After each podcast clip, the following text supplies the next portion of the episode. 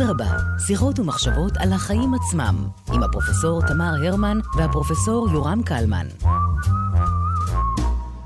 ברוכה הבאה, דוקטור עדי יניב, לשיחה נוספת על הנושא של חומרים משני תודעה. ואנחנו נדבר בעיקר על הנושא של חומרים משני תודעה בתקופות קדומות. מהוותיקים של הפודקאסט יודעים שאנחנו מאוד אוהבים לראיין על הנושא של תקופות קדומות, לא משנה אם זה על טקסטיל, על זכוכית. אם זוכרים את התוכנית על הריח, עסקנו בארכיאולוג שמשחזר ריחות עתיקים, שזה נראה לי ממש מדהים. וחומרים משני תודעה בתקופות עתיקות, זה, או תקופות קדומות, זה, זה בכלל. אבל קודם נציג אותך, עדי. דוקטור עדי יניב היא נוירוביולוגית במכון דוידזון, ועמיתת מחקר במרכז לחקר המוח והתפתחות האדם באוניברסיטת רייכמן. כחוקרת, היא עוסקת בתחום המוח החברתי, וכיצד הקשר הורה-ילד משפיע על התפתחות המוח. אז ברוכה הבאה, דוקטור יניב. נעים מאוד. נהדר, יופי ש... שהגעת. אז מה באמת אנחנו יודעים על, על השימוש בחומרים משני תודעה בתקופות עתיקות? אנחנו יודעים היום איך אנשים משתמשים באלכוהול, בסמים, בחומרים פסיכדליים. מה, מה אנחנו יודעים על, ה, על ההיסטוריה של זה? אז מכיוון שאנחנו לא יכולים אה, לשלוף אנשים אה, מדפי ההיסטוריה ולשאול אותם, אנחנו יכולים ללמוד ממספר מקורות. מקור אחד זה הכתובים. אנחנו יכולים ללמוד אה, מכתבים של היסטוריונים, אה, מכתבי דת ופולחן, אה, ובעצם אה, לראות מה, מה מתואר בהם לגבי שימוש בחומרים משני תודעה, ויש הרבה תיאורים כאלה. אפשר להתווכח על מידת הדיוק או האמיתות של התיאורים, אבל העובדה היא שיש לנו הרבה תיאורים על, על משקאות וטקסים, שנתנו לאנשים כל מיני תחושות או כוחות או יכולת להתנבא, אה, ואנחנו מקשרים אותם לחומרים משני תודעה. מקור נוסף הוא שרידים אה, ארכיאולוגיים, ובחפירות ארכיאולוגיות אנחנו מוצאים אה, שרידים של חומרים, זה יכול להיות חומרים אורגניים, כמו שרידים של צמחים, זה יכול להיות שרידים של חומרים שמקורם בבני אדם, ציפורניים, שיער, שרידי גופות. אה, ולחומרים כאלה אנחנו יכולים לעשות אנליזות אה, כרומטוגרפיות, ובעצם להבין איזה חומרים נוספים, אה, מה ההרכב הכימי המלא של השרידים האלה שאנחנו בודקים. מעניין, זאת אומרת, אפשר גם, אם, אם מדברים על, כמו שאמרת, שיער או דברים כאלה, אנחנו מזהים את החומרים שאנשים השתמשו בהם, כי זה משאיר חותם ב... נכון, בגוף נכון, עצמו? נכון מאוד. אנחנו יכולים בשרידי אה, שיער, ציפורניים, אה, שרידים של גופות ככל שהשתמרו, אה, וגם בשרידים של חומר, חומר שנשרף למשל, שרידים של אה, מזון אה, או משקה, משקעים שנמצאים אה, בכלים שונים, אפשר לעשות להם אנליזה ולזהות אה, שם אה, חומרים שונים. טוב. מקווה שהמשטרה לא יחשבו על אה, דרכים אה, לבדוק אותנו דרך השיער ודרך הציפורניים. אה, אז איזה חומרים באמת אנחנו פוגשים? מה, מה הדברים הנפוצים? אז מה שמעניין זה שפוגשים חומרים שונים במקומות שונים בעולם. יש למשל עדויות מדרום אמריקה, מבוליביה, ששם נמצאו אתרי פולחן. ובהם נמצאים אה, שרידים של חומרים שיש בהם אה, DMT. DMT הוא החומר הפעיל בצמח, שממנו אה, מופק סם או תבשיל שנקרא איוואסקה. איוואסקה אה, ידוע עד היום, הוא שימש אלפי שנים אה, לצורכי פולחן אה, טקסיים בשבטים שונים, ומאז שתרמילאים הגיעו לדרום אמריקה, הוא הפך לפופולרי גם אצלם. אה, השותים אותו עוברים אה, חוויה מיסטית, אה, שינוי בקלט החושי, הם יכולים לראות דברים, לשמוע קולות, הוא בעצם שימש כדי באמת להתנבא ולקבל איזשהו קשר לחזון האלוהי, או החזון של הרוחות הגדולות בקרב השבטים האלה. אה, והייחוד של החומר הזה הוא קודם כל שהוא עד היום נמצא בשימוש בקהילות מסוימות, ובברזיל למשל, החומר חוקי אה, לשימוש בקרב הקהילות האלה, מכיוון שהמדינה מכירה אה, בתרומה שלו, ב, בחשיבות שלו למורשת ולפולחן של החברות האלה. במקומות אחרים נמצאו חומרים אחרים, למשל אה, במנורקה, אה, שזה אי אה, לחופי ספרד, נמצא אה, אתר פולחן, ובו היו אה, כלים מקושטים, בתוך הכלים היו שרידי שיער של אדם.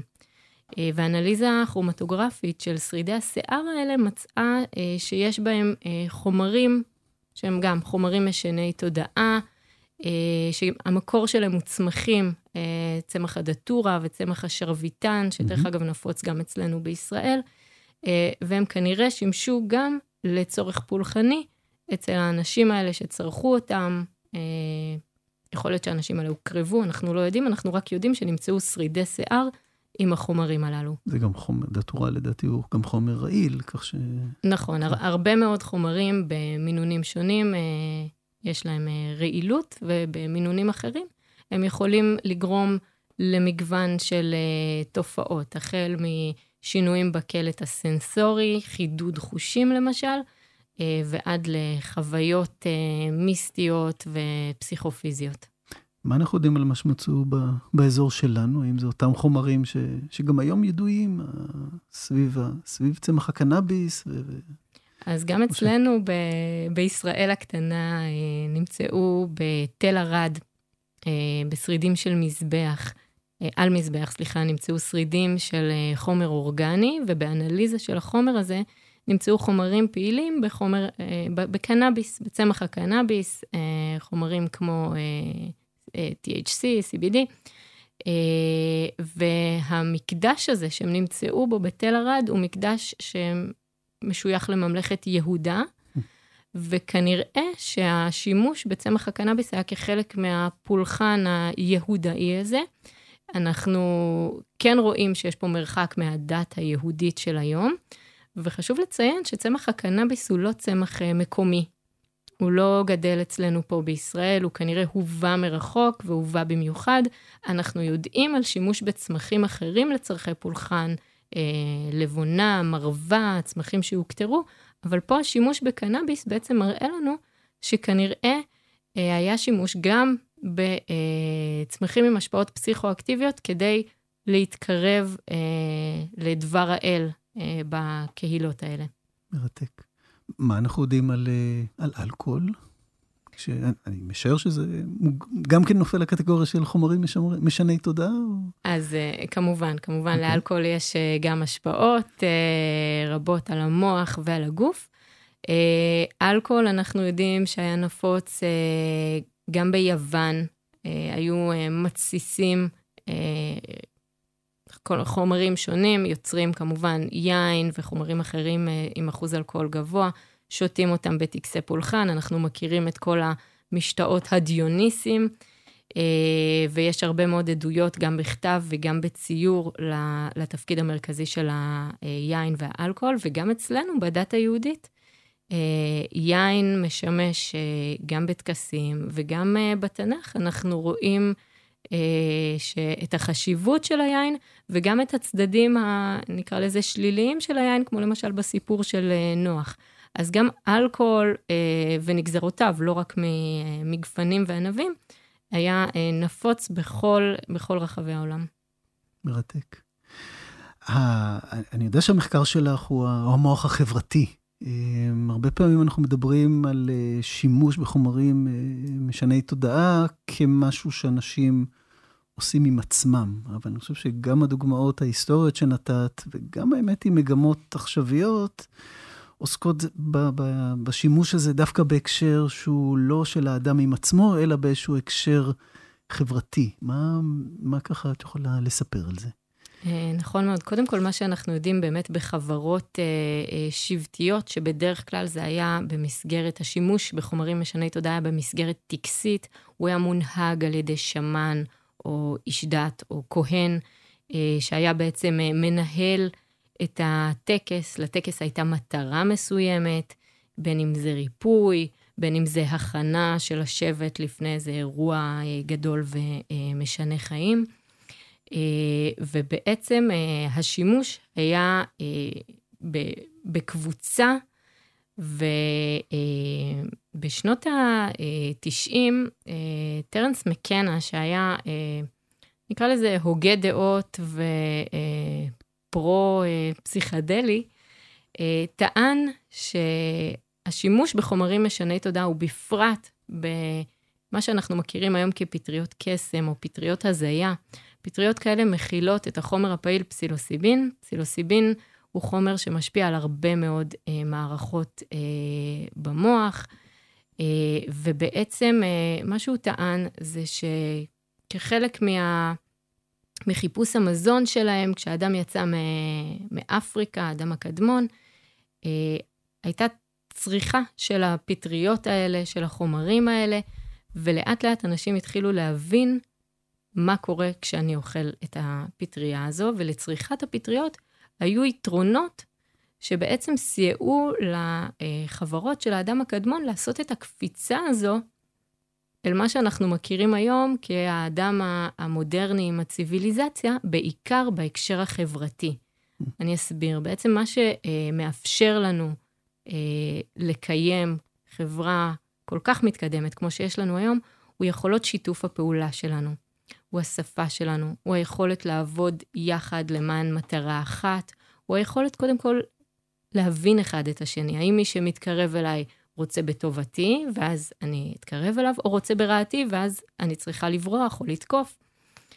אה, ובעצם השימוש בחומרים ישני תודעה, ובפרט בפסילוסיבין, יכול באמת לסייע אה, לתהליכים האלה, משום שבמינון נמוך הוא מחדד כלא חושי, דבר שיכול לעזור לציידים, לקטים שמחפשים מזון בג'ונגל, אבל גם שימוש בחומרי תודעה מוריד רמות של סטרס.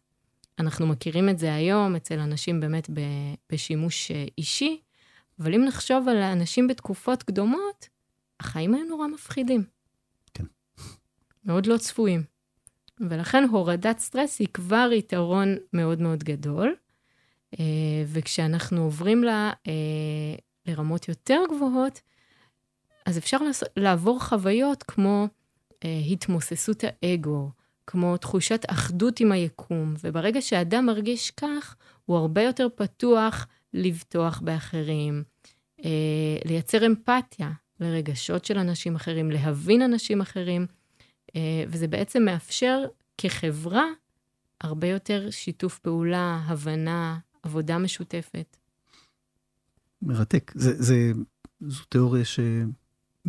זאת אומרת, הביסוס שלה הוא בעיקר אה, תיאורטי, או שקשה לי, אני מנסה לחשוב על איזה עדויות אה, פיזיות או כתובות יכולות לחזק דבר כזה? אז כשהתיאוריה הזו יצאה, היו לה הרבה מאוד uh, מתנגדים, וחשוב לציין שאין פה סיבתיות. כלומר, זה לא שהאדם הקדמון מצא פטריה, כן. אכל אותה, והופ, קיבל uh, יכולות uh, חברתיות והפך להיות האדם המודרני, אין כאן סיבתיות, אבל כן, יש כאן תרומה אפשרית של ההשפעה של חומרים משני תודעה, להתפתחות החברתית של האדם. מה שאנחנו יודעים היום ממחקרי מוח, אנחנו בעצם בוחנים על איזה מערכות מוחיות החומרים האלה פועלים. אז להגיד חומרים זו אמירה מאוד מאוד כללית, יש לנו כמובן אה, חומרים שונים שעובדים על מערכות שונות, אבל בין היתר, כשאנחנו מדברים למשל על אה, פסילוסיבין, הוא עובד על אה, מערכת שנקראת אה, רשת ברירת המחדל. זו רשת במוח שלנו, אה, שפועלת, אה, אפשר לומר שאנחנו לא עושים כלום, כשאנחנו חולמים בהקיץ או בוהים באוויר, והרשת הזאת גם מאוד מאוד מעורבת בתחושת העצמי. Mm. ואם אנחנו מדברים על גבולות בין העצמי שלי לאחר, איפה אני ואיפה אחר, מה היחסים ביני לבין אחר, אה, זה שוב משהו מאוד מאוד בסיסי בהתפתחות חברתית, ואנחנו רואים אצל אנשים שסובלים ממחלות שונות, באמת דפוסים שונים, אה, לפעמים של קישוריות, בתוך רשת ברירת המחדל. אז אנחנו מבינים את החשיבות שלה לתחושת העצמי וההפרדה בין עצמי לאחר, שרובנו מקבלים מאוד כמובן מאליו. זה, זה, זה מרתק, כי אני חושב שזה גם יכול להסביר גם את האתגרים, אבל גם באמת את היתרונות של, ה, של השימוש בחומרים הזה, האלו, כאשר באמת עובדים איתם בסביבה מוגנת, כי ה, כל מה שאת מתארת של התפתחות זה גם הסרה של הגנות. אה, העולם באמת היה מסוכן, זאת אומרת, הוא לא רק מפחיד, הוא גם היה מסוכן, כך שאם אני משחרר הגנות, אני, אני מסכן את עצמי. אבל אם זה מתרחש בסביבה מוחזקת ומוגנת, אני בהחלט רואה איך השילוב של חומרים כאלו, ושוב, אני משווה את מה שאנחנו רואים בעולם המודרני, אבל שילוב של החומרים עם אה, מוזיקה, ריקוד, תנועה מסונכרנת, כל הדברים האלה באמת יכולים לחזק את התחושה של, ה, של השייכות לקבוצה. אה, סביר להניח שזה גם אה, מחזק את, ה, את העוינות כלפי קבוצות אחרות אולי, זה, שזה, לא יודע אם זה טוב או רע, אבל זה כנראה עוזר אה, להישרדות של, אה, של קבוצות, וזה... זה, זה, בהחלט, אה, זה בהחלט מעניין וגם מהדהד את מה שאנחנו רואים עדיין ב, ב, באוכלוסיות שמשתמשות בזה באופן טקסי.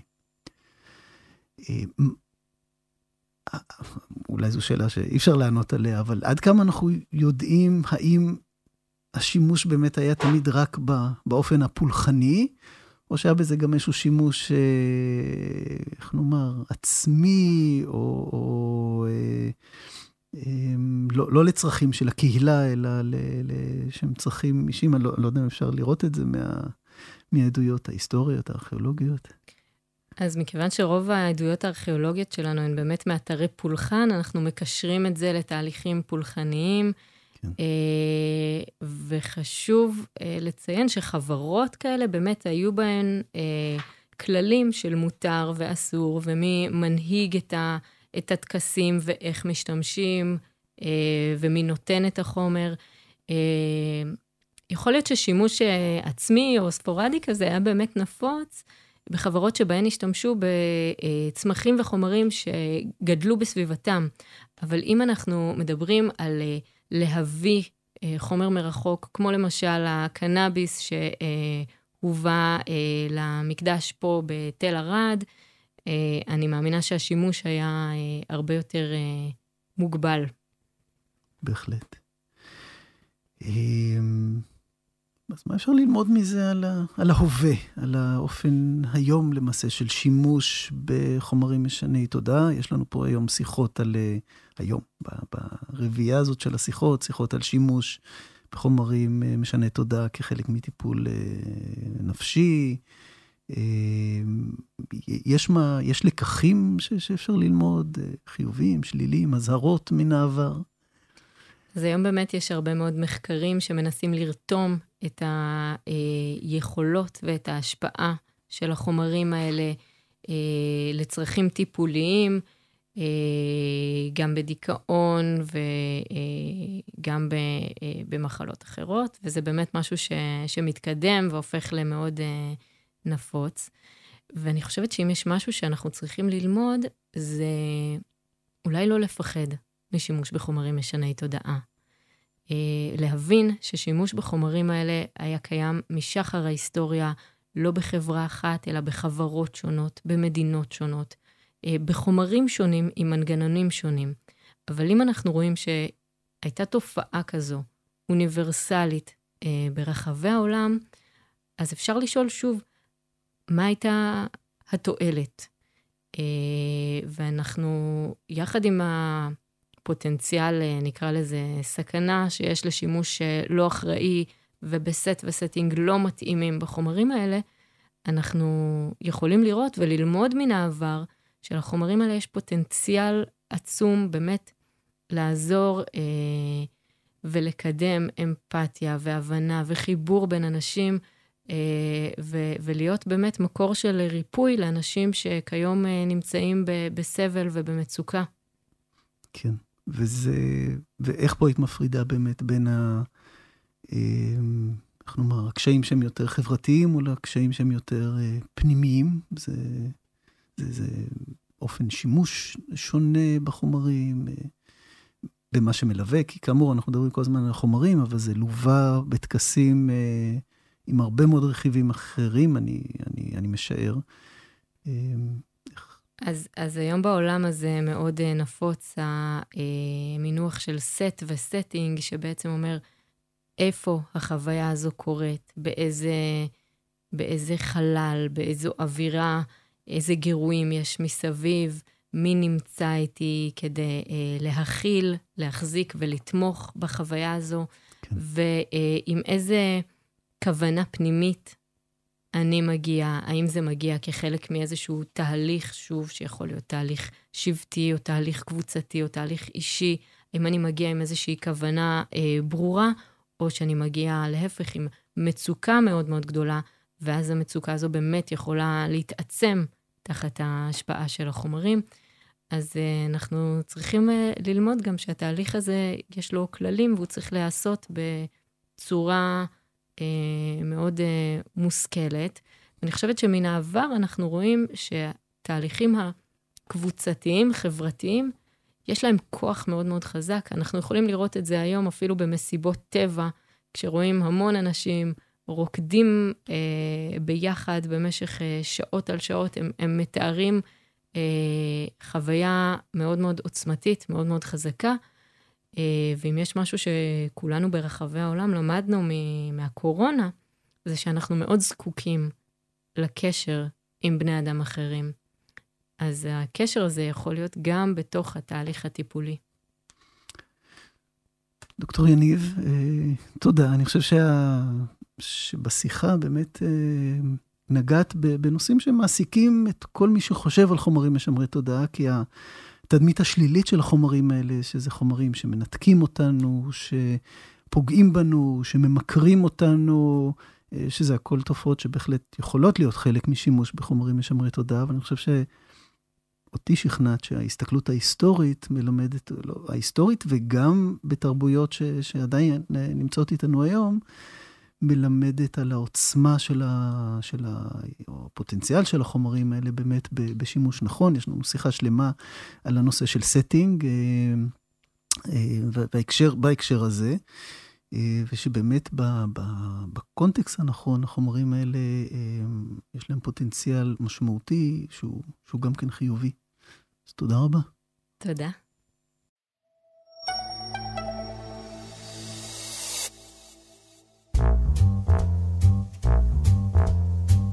אדרבה, שיחות ומחשבות על החיים עצמם, עם הפרופסור תמר הרמן והפרופסור יורם קלמן.